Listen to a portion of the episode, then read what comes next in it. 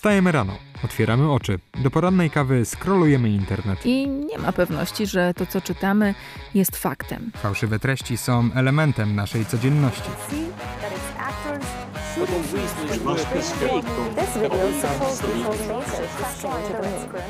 Jak rozpoznać dezinformację? Jakie są jej techniki? O tym będziemy rozmawiać w czwartym sezonie podcastu Demagoga. Zapraszamy. Mateusz Cholewa I Wiola Myszkowska. W nocy z 8 na 9 lutego w sieci pojawił się wywiad byłego dziennikarza amerykańskiej telewizji Fox News Takara Carlsona z prezydentem Rosji Władimirem Putinem. Rozmowa była pełna odniesień historycznych, a także fałszywych informacji na temat Ukrainy. Wywiad ponownie rozpalił dyskusję na temat wojny i Ukraińców, jednak czy tak naprawdę kiedykolwiek ona wygasła? Jak bowiem wskazują raporty Stowarzyszenia Demagog i Instytutu Monitorowania Mediów o antyukraińskiej dezinformacji w polskim internecie, temat ten jest z nami już od kilku lat. I dziś właśnie o najnowszym raporcie porozmawiam z Łukaszem Grzesiczakiem, analitykiem Stowarzyszenia Demagog. Dzień dobry, cześć Łukaszu. Dzień dobry, cześć. I także z Moniką Ezman, dyrektorką Centrum Zarządzania Jakością i Działu Analiz w Instytucie Monitorowania Mediów. Dzień dobry, cześć Moniko. Dzień dobry, cześć. Zanim zagłębimy się w to, w co w tym najnowszym raporcie i co było w nich w przeszłości, to najpierw chciałbym Ciebie, Łukaszu, zaczepić o taki krótki wstęp, czyli czym właściwie są te raporty i co tak naprawdę kryje się pod tym pojęciem antyukraińska dezinformacja i na czym one się koncentrują, jakie obszary i w jaki sposób opisują. Rozumiem, że, bo nie wiem, czy mam wybrać tą taśmę amatorską czy profesjonalną, w sensie tak naprawdę jak, długo pozwolisz mi na ten temat mówić. E, mianowicie postaram się powiedzieć jak najkrócej, co było jak gdyby tym pretekstem. Mhm. E, jak doskonale wiesz, w demagogu tą kwestią propagandy e, antyukraińskiej, narracją rosyjską zajmowaliśmy się na długo przed pełnoskalową inwazją. Rosji na Ukrainę, która miała miejsce no, prawie dwa lata temu. I generalnie już wtedy próbowaliśmy opisać tę narrację rosyjską, narrację Kremla antyukraińską. I w tym kontekście pamiętam, że już przed inwazją opublikowaliśmy pierwszy taki raport, w którym opisywaliśmy te główne tematy narracji kremlowskiej wymierzonej w Ukraińców i w Ukrainę, czyli w obywateli y, państwa Ukraina, ale samo państwo Ukraina także. I kiedy doszło do tej pełnoskalowej inwazji, rozmawialiśmy o tym, że przynajmniej w, w debacie publicznej pojawiło się to przekonanie, że ta narracja się zintensyfikowała, że tej propagandy Kremla jest więcej. Wszyscy o tym rozmawialiśmy, e, mówię w przestrzeni publicznej, mm, ale ja miałem, znaczy w demagogu postawiliśmy sobie takie pytanie, czy rzeczywiście tak jest. No i wtedy bazując z jednej strony na tym, co pisaliśmy o tej antyukraińskiej propagandzie Kremla, przed inwazją. Rozmawialiśmy także z językoznawcami, z ekspertami od języka, którzy mówili o tym, o znaczeniu języka, pewnych słów, deprecjonowaniu Ukrainy i Ukraińców. Następnie współpracowaliśmy z analitykami Instytutu Monitorowania Mediów, którzy zjedli zęby na analizie treści. I wtedy postanowiliśmy wyznaczyć takie słowa klucze, Czyli takie słowa, w sumie ich jest niemal 20, jeżeli dobrze pamiętam, chyba 18. To są takie słowa, nie wiem, jak, jak upalina, jak e, stop banderyzacji Polski, jak banderowcy i tak dalej, i tak dalej, i tak dalej. To są słowa, które są wykorzystywane przez tą narrację zgodną z narracją Kremla przeciwko Ukraińcom, która generalnie służy do deprecjonowania Ukrainy i do e, deprecjonowania samych Ukraińców. A więc służy do tego, żebyśmy mieli wrażenie, że tak naprawdę z tą Ukrainą i z tymi Ukraińcami to nie wiadomo co myśleć, ponieważ ta sytuacja, co y, teraz próbuje zrekonstruować ten sposób narracji Kremla i tego generalnie, do czego ta propaganda ma służyć, że generalnie to wszystko w sytuacji, w której jak gdyby mamy absolutną jasność, że to Rosja zaatakowała Ukrainę, że złamała prawo międzynarodowe i tak dalej, i tak dalej. Te wszystkie sformułowania, to wszystko, co widzimy w internecie, ta cała propaganda ma wzbudzić w nas taki niepokój co do jak gdyby słuszności tego stwierdzenia. I tak jak gdyby postanowiliśmy zrobić te raporty, e, na samym początku publikowaliśmy takie raporty miesięczne, przeglądaliśmy jak ta antyukraińska propaganda w polskojęzycznym, to ważne, bo my analizujemy polskojęzyczny internet, jak ta propaganda w polskojęzycznym... I polskie konta społecznościowe, to też jest ważne. Nie wychodzimy dalej, tylko właśnie e, mierzymy to wśród Polaków. Tak, tak. A więc w ten sposób e, postanowiliśmy, najpierw opisywaliśmy to co miesiąc. Tam jest istotne, że oczywiście z jednej strony próbowaliśmy jak gdyby uchwycić, jak dużo jest tej propagandy, czyli generalnie ile tych wpisów jest, jakie one mają wartość, czyli generalnie ten ekwiwalent reklamowy, czyli ile trzeba byłoby zapłacić za to, gdyby chcieć z takim przekazem dotrzeć do tylu odbiorców, ale też jak gdyby ta cała metodologia pozwoliła nam na to, żeby, bo zawsze porównujemy te same słowa, czyli próbowało nam to pokazać na przestrzeni miesięcy, czy tej propagandy jest więcej, czy jest mniej, czy ona jest jakoś zróżnicowana, czy ona jakoś zależy od jakichś wydarzeń politycznych, zewnętrznych, wewnętrznych, w Polsce, za granicą i tak dalej, i tak dalej, i tak dalej. A z drugiej strony, i to jest też wydaje mi się mega ważne, przynajmniej z mojego punktu widzenia, spróbowaliśmy jak gdyby dzięki przyjęciu tej metodologii, czyli analizie tych 18 słów kluczowych, które są wykorzystywane do deprecjonowania Ukrainy i Ukraińców, próbowaliśmy zidentyfikować te 10 bo taki cel sobie postawiliśmy, jak gdyby najbardziej niebezpiecznych, tutaj daję cudzysłów, czyli takie najbardziej zasięgowych, najbardziej popularnych, te, które są szczególnie istotne z punktu siania tej propagandy. Konta na Twitterze, i te 10 i, i, też konta na Facebooku. I rozumiem, że pewnie być może, jak się domyślam, w jakiejś dalszej części o to zapytasz. O tak, taki mam też plan.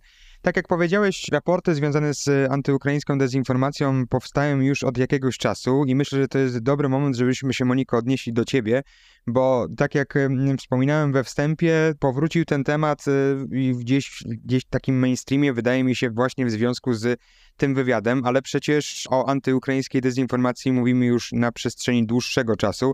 Gdybym mógł Cię zapytać o to, jak to właściwie kształtowało się o, przez te ostatnie lata? Czy są faktycznie w ostatnim okresie jest y, tych przekazów mniej, czy jest ich więcej? Jak wyglądały te trendy, jeśli chodzi o tego typu wpisy, które były gdzieś w mediach społecznościowych?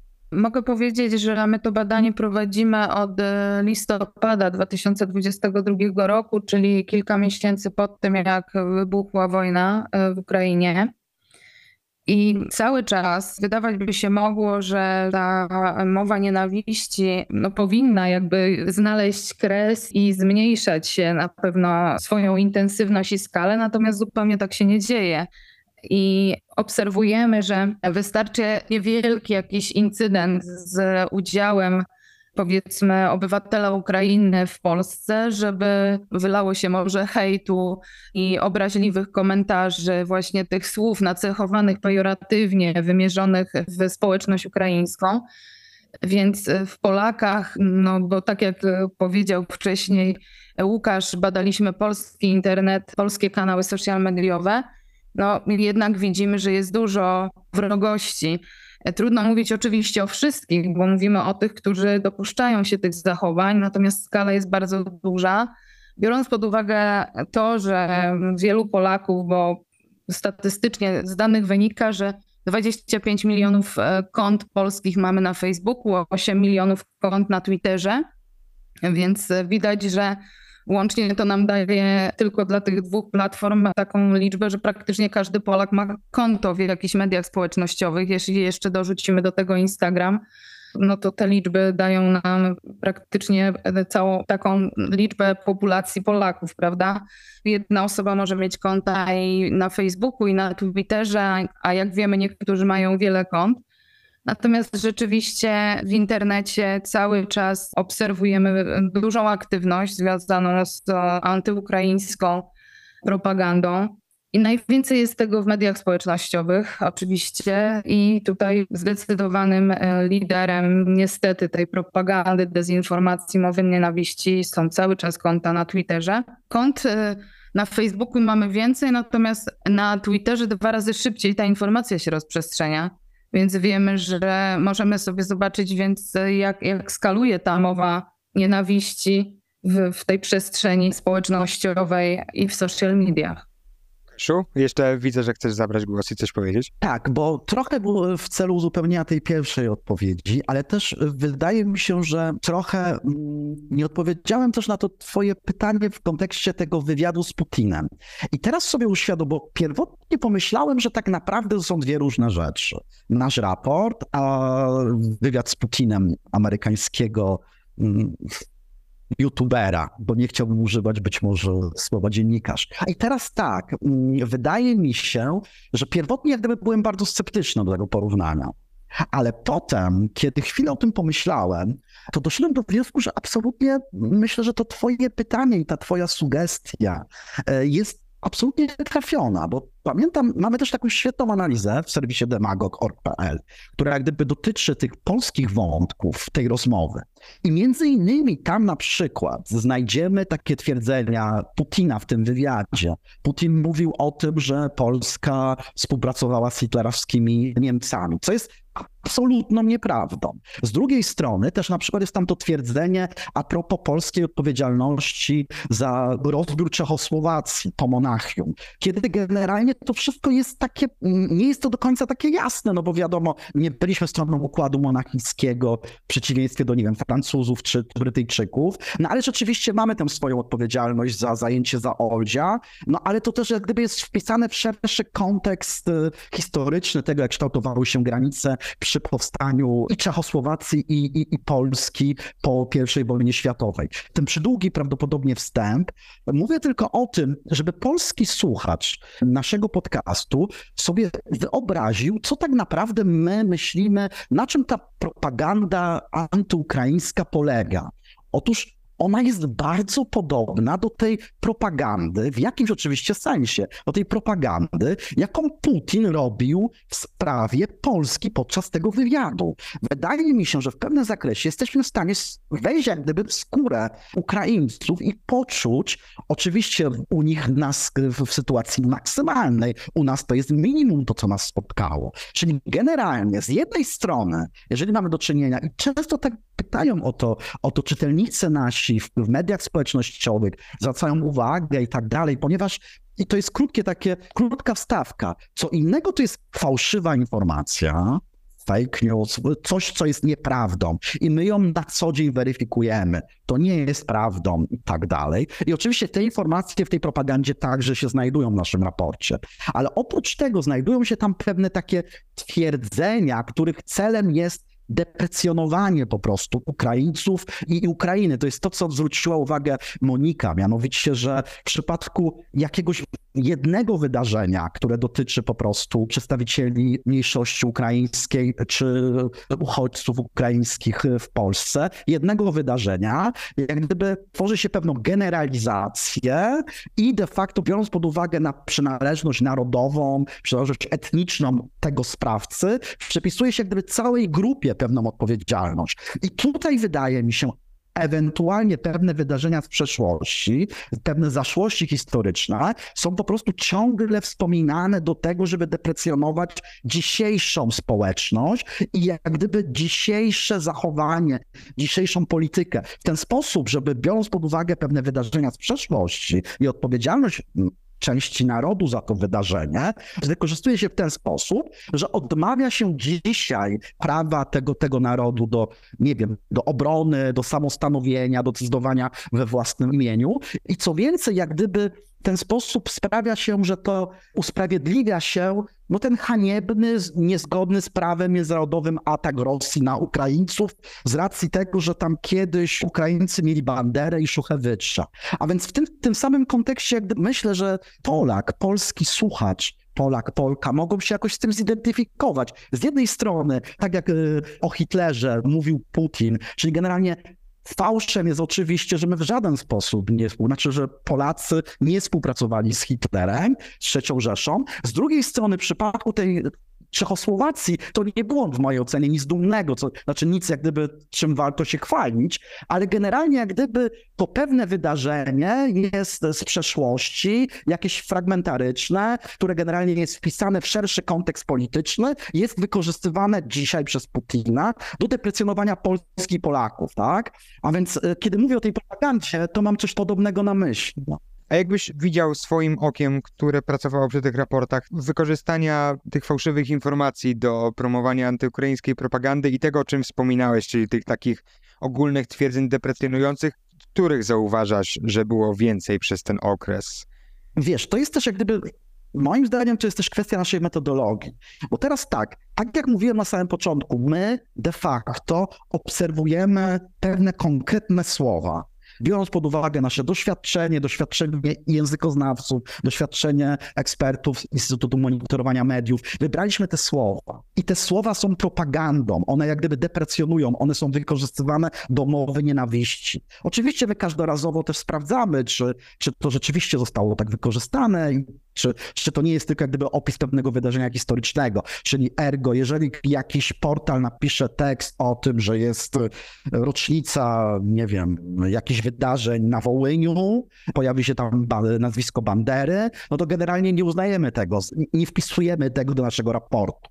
Ale generalnie wydaje mi się, że nasza metodologia sprawia, że my jednak przyglądamy się tym słowom. Te słowa są przy mowie nienawiści, a te fake newsy w tym raporcie są niejako przy okazji że jeżeli te fake newsy, po prostu te fałszywe informacje, których jest mnóstwo w sieci, e, wymierzone w Ukrainę i w Ukraińców, im nie towarzyszą te słowa klucze, a często im mogą nie towarzyszyć, ponieważ one po prostu mówią o tym, że to Ukraińcy pobili jakichś Polaków nad Wisłą w Warszawie, a po czasie okazuje się, że to wcale Ukraińcy nie byli, prawda? Wszystko ten kontekst już jest narzucany przez tego użytkownika mediów społecznościowych i taka łatwość ferowania wyroku, że to na pewno był Ukrainiec.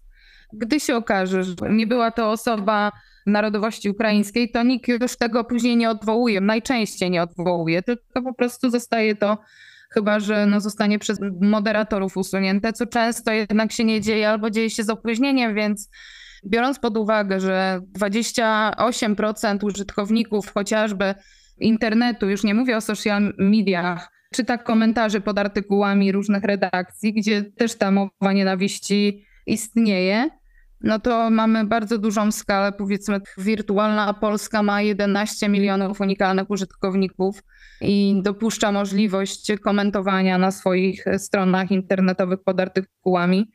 Więc y, można powiedzieć, że co trzecia osoba czyta te komentarze, prawda? Więc rozprzestrzenianie się tej dezinformacji czy hejtu jest y, bardzo duże. W trakcie rozmowy pytamy również Monikę Esman o antyukraińską dezinformację, która jest w komentarzach pod artykułami publikowanymi przez polskie serwisy informacyjne. Fragment ten dostępny jest na wyłączność dla naszych patronów. Jeśli chcielibyście wspierać podcast Demagoga, a także całe Stowarzyszenie Demagog, zachęcam Was do tego, abyście weszli na stronę patronite.pl, znaleźli nasze stowarzyszenie i udzielili nam wsparcia. Dziękujemy Wam bardzo. Łukaszu, y, wspominałeś jakiś czas temu o tym, że mm, dzięki stałemu monitorowaniu pewnych wyrażeń mamy ogląd na to, które profile mm, najwięcej produkują tego typu treści. To gdybym teraz mógł Cię zapytać, co to są za konta? Czy są to jakieś konta zupełnych anonimów, czy jesteśmy w stanie w jakiś sposób zidentyfikować, jakie osoby są tam po tej drugiej wirtualnej stronie? Generalnie my bo przypominam, że ten raport, o którym rozmawiamy, dotyczy całego roku. 2023. To był, jak wszyscy wiemy, rok dosyć specyficzny, drugi rok wojny, ale też w tle mieliśmy wybory mm, parlamentarne w Polsce. No i też sporo różnych wydarzeń krajowych czy międzynarodowych, które niewątpliwie miały większy lub mniejszy wpływ także na ten dyskurs, w tym na dyskurs w sprawie Ukraińców i Ukrainy. No i generalnie, tak jak mówisz, my de facto skupiliśmy się na wskazaniu 10 na Facebooku, które najmocniej szerzą antyukraińską propagandę, 10 kont na Twitterze, a także nasz raport, od początku to robimy, to jest to, co mówiła Monika wcześniej, mianowicie jak gdyby bardzo mocno eksponujemy tę odpowiedzialność wydawców w sprawie tej mowy nienawiści wobec Ukraińców w komentarzach. No ale jeżeli rozmawiamy o te wskazane przez nas konta na Twitterze i na Facebooku, to generalnie można powiedzieć tak, że co wydaje mi się szczególnie niepokojące, mamy tam konta partii politycznych i polityków, którzy zasiadają w polskim parlamencie. No i generalnie y, my zidentyfikowaliśmy, że wśród tych aktorów najbardziej aktywnych kwestii szerzenia mowy nienawiści wobec Ukraińców, zarówno na Twitterze, jak i na Facebooku, no jest konto posła Grzegorza Brauna. I rzeczywiście jest tak, my opisujemy, myślę, że to, to nie jest jak gdyby ten moment, żeby opisywać konkretne przykłady, ale my opisujemy w przypadku posła Grzegorza Brauna zarówno no, fake newsy, fałszywe informacje, które generalnie powielało to konto, obu mediach społecznościowych, a także no, tę mowę nienawiści wymierzoną w Ukrainę. E, znajdują się tam także konta partii politycznych, które wchodzą w skład tej koalicji, konfederacji, czyli partii, która zasiada w parlamencie, także po wyborach, które mieliśmy jesienią w Polsce. Mm, była i w wcześniejszym parlamencie, i jest w tym parlamencie obecnym. I generalnie, jak gdyby wszyscy pamiętamy, no, na konfederację wchodzą trzy partie, między innymi Koronę, Grzegorza Brauna, wspomnianego, a także równo narodowy. I generalnie te obie partie, ich konta znalazły się, zostały przez nas zidentyfikowane jako właśnie te popularne konta szerzące mowę nienawiści. Więc wydaje mi się, że, że to jest szczególnie warte uwagi. Oprócz tego zidentyfikowaliśmy jakieś konkretne, można było powiedzieć, organizacje. Myślę, że to sformułowanie organizacji jest dosyć, no takie poręczne. Telewizja internetowa w Realu 24, konto Marszu Niepodległości, czyli generalnie, że jesteśmy w stanie wskazać podmioty związane z tymi organizacjami. I one też znalazły się na naszym, zostały przez nas zidentyfikowane i są opisane w naszym raporcie, są opisane treści, które one powielały. Konkretne przykłady zachęcam do sięgnięcia do raportu, tam można wszystko dokładnie z linkiem, z podaniem źródła odczytać, odnaleźć. Mnóstwo tych treści wisi do dzisiaj, chociaż tak jak mówię, one są z całego 2023 roku ale część tych treści jest skasowanych, no ale to właśnie dzięki współpracy z Instytutem Monitorowania Mediów, który ma odpowiednie narzędzia do tego, mimo tego, że one są już niedostępne, my tak naprawdę po całym okresie mogliśmy do nich sięgnąć, odczytać je. I mamy je w źródłowej formie, tak? W formie, w jakiej zostały opublikowane, niezmienionej, tak? Czy nie moderowanej, czyli jednak gdzie jakiś zasięg na pewno osiągnęły, zanim zostały, i to zdecydowanie wysoki, e, bo tak jak Łukaszu powiedziałeś, e, warto powiedzieć właśnie o tym, że często ta mowa nienawiści szerzy się nie na anonimowych kontach, tylko właśnie na kontach oficjalnych, tak? I to jest chyba najbardziej przerażające, że jest to dopuszczone, tak? Że na to jest już e, przyzwolenie. Jeśli się szerzy to na kontach, które mają milionowe zasięgi, po 200 tysięcy obserwujących, to widać, że to jest e, bardzo duża skala i duży wpływ na społeczność, e, która korzysta z tych serwisów. I ten trzecia grupa to są konta właśnie takie anonimowe. Tak. W tym sensie mm, Oczywiście bardzo często to są, kryją się za jakimiś dziwnymi nikami, czasami kryją się za jakimś imieniem i nazwiskiem. Nie jest to osoba publiczna i możemy domniemywać że nie mamy do końca przekonania, że rzeczywiście taka, że powiem w ten sposób, że taka osoba rzeczywiście istnieje. I na przykład ogromne zasięgi kwestii powielania tej antyukraińskiej propagandy. Ma konto, które wykorzystuje zdjęcie poety Rafała Wojaczka. I chociaż wbrew temu, co można byłoby się domniemywać, nie publikuje ono wierszy tego znanego poety, nie znajdzie się tam tego znanego wiersza musi być coś, czego nie znam, co zawładnęło no, moim życiem, śmiercią tą kartką, że zacytuję wojaczka, ale powiela mnóstwo, mnóstwo propagandy antyukraińskiej. Jest także tam konto, zidentyfikowaliśmy, jak się opisuje, cytuję, zaniepokojonego losem Polski i Polaków, Słowaka mieszkającego w Bańskiej Bystrzycy, który to e, powiela mnóstwo na Twitterze, e, w serwisie X, przepraszam, mnóstwo tej antyukraińskiej propagandy. On także słynie z tego, że powiela mnóstwo fake newsów. Między innymi powielał informacje o tym, że komu w Krakowie przed e, konsulatem były zamieszki Ukraińców, którzy chcieli dostać paszport, żeby uciec z Ukrainy, chociaż rzekomo byli już w Krakowie, po co mieliby tej Ukrainy uciec, a rzeczywiście ilustrowało to zdjęcie, które nie zostało wykonane, nie ma nic wspólnego z Krakowem i nie ma żadnych informacji, że rzeczywiście są to Ukraińcy i tak dalej, i tak dalej. Zresztą tam jest bardzo śmieszne, że to konto słowackie, o którym mówię, często jest tak, że te konta jakby wracają, są zawieszane, ktoś je blokuje. No i to konto z tego zaniepokojonego losem Słowaka, mieszkającego w Bańskiej Bystrzycy, który y, świetnie pisze po polsku, zupełnie przypadkiem na początku roku on się nazywa Demirow, był pisany przez W, chociaż w języku słowackim litery W zaprawdę, w rzeczywistości ona nie istnieje. Tam generalnie Słowacy używają V w to miejsce, a W y, używają bardzo niewielu słowach jedynie pochodzących y, z języków obcych i potem zostało zablokowane i ten sam człowiek wrócił już jako Demirow, ale nie pisane przez W, tylko pisane przez V. No co wydaje mi się, że mogłoby świadczyć o tym, że nie do końca należy wierzyć, że jest to rzeczywiście Słowak mieszkający w Bańskiej Bystrzycy, szczególnie zaniepokojony losami, losami Polski i Polaków. A więc w tym sensie jak gdyby jest też, próbując zrobić klamrę, mamy oficjalne konta posłów, parlamentarzysty, jednego posła i partii politycznych których posłowie zasiadają w Sejmie. Jest to mega niepokojące z mojej perspektywy. Następnie mamy takie konta pewnych organizacji, których w bardzo prosty sposób można zidentyfikować, kto za nimi stoi, ponieważ to są konta pewnych y, telewizji internetowych, organizacji społecznych i tak dalej, i tak dalej, i tak dalej. I mamy mnóstwo, i wydaje mi się, to chyba będzie większość, kont anonimowych, które albo się pod kogoś podszywają, albo po prostu próbują wykorzystać pewne emocje. Ukrainiec nie jest moim bratem, takie, ta, taki fanpage na, na Facebooku, których bardzo trudno jednoznacznie zidentyfikować, kto za nimi stoi, ale de facto to, co tam jest powielane, jest zgodne z narracją Kremla.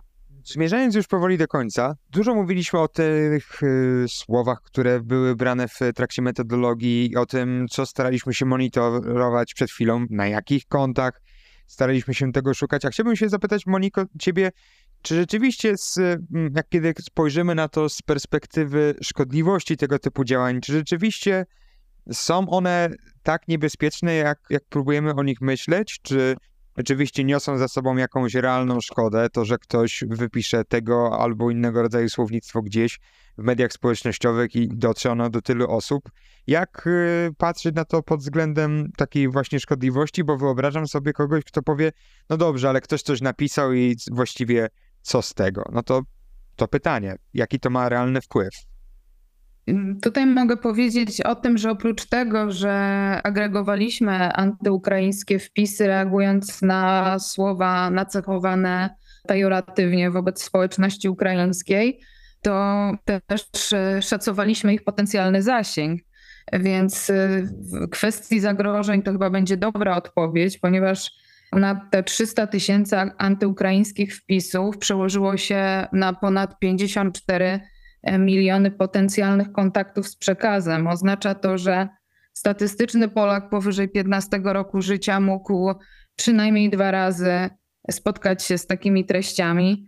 No i w tym oczywiście e, na przykład moje dziecko korzystające z internetu czy mediów społecznościowych, więc jako nie tylko osoba, która pracuje w monitoringu mediów, ale także użytkownik internetu czy mediów społecznościowych, zwyczajnie nie zgadzam się na taką e, narrację prowadzoną e, w internecie i nie chciałabym, żeby na przykład właśnie moje dzieci spotykały czy czytały takie obraźliwe komentarze. Oczywiście ta mowa nienawiści, oprócz tego, że, że powoduje takie napięcie i e, niezdrową relację, to pogłębia też podziały społecznościowe, no i ze wszechmiar jest szkodliwa. To możemy sobie oczywiście powiedzieć wprost, biorąc pod uwagę właśnie skalę tych zasięgów, jak te informacje się rozprzestrzeniają, to, że informacja dociera do nas coraz szybciej, w tym niestety też ta dezinformacja.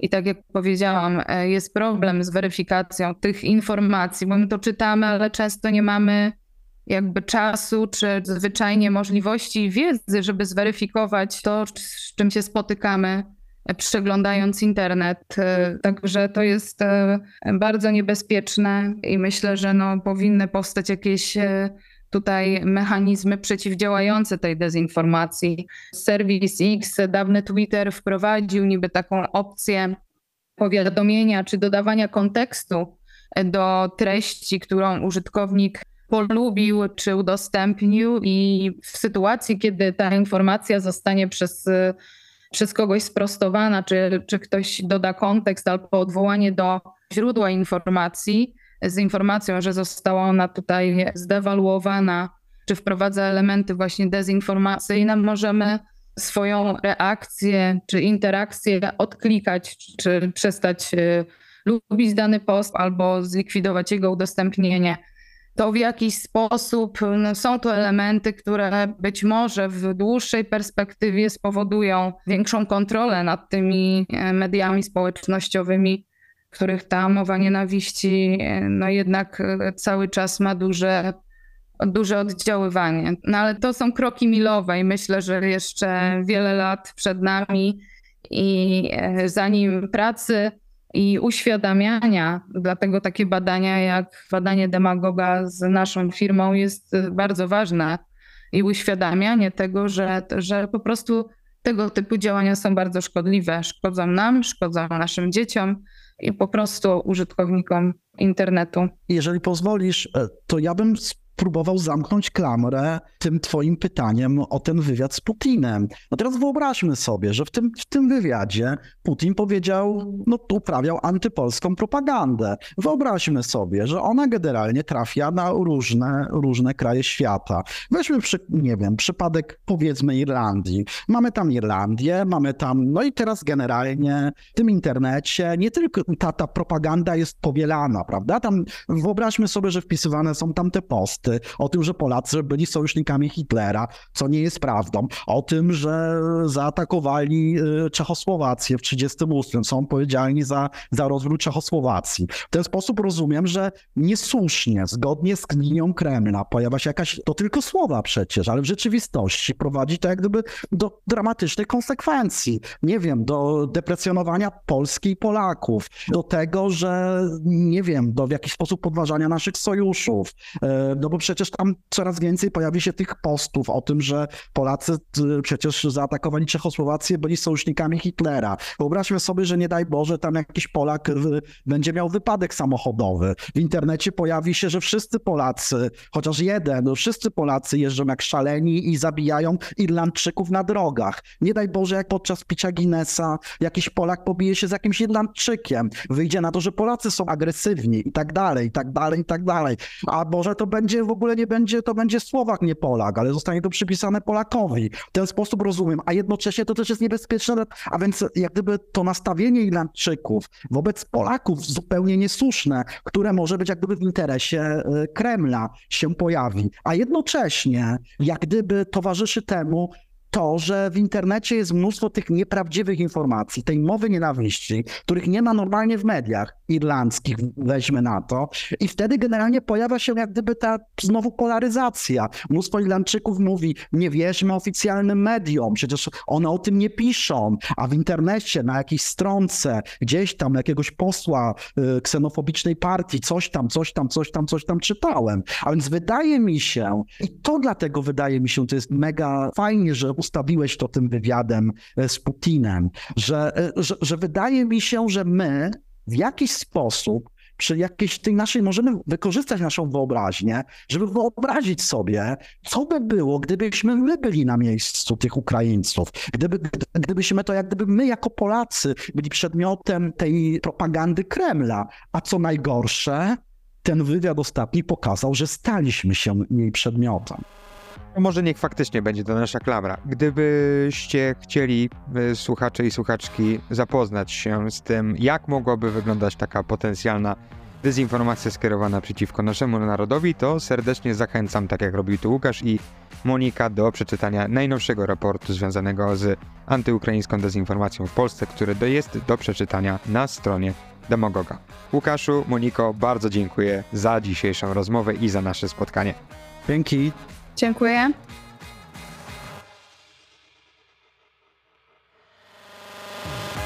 Słuchaliście podcastu Demagoga realizowanego przez Sons and Stories.